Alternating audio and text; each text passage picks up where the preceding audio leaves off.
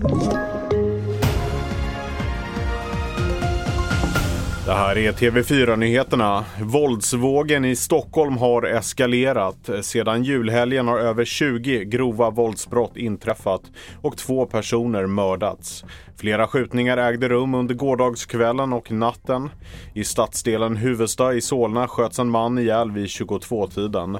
Justitieminister Gunnar Strömmer besökte platsen på lördagen och han vill ge polisen möjlighet att använda samma verktyg mot gängen som används mot terrorister.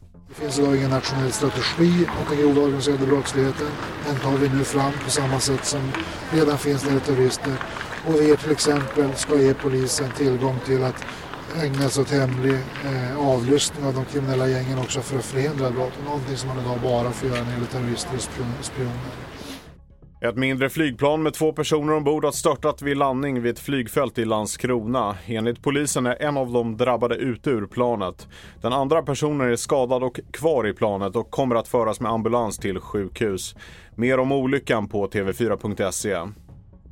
En amerikansk man som skickat tusentals mejl och även dykt upp utanför den brittiska skådespelaren Claire Foys dörr har dömts till ett villkorligt fängelsestraff på ett år och tio månader.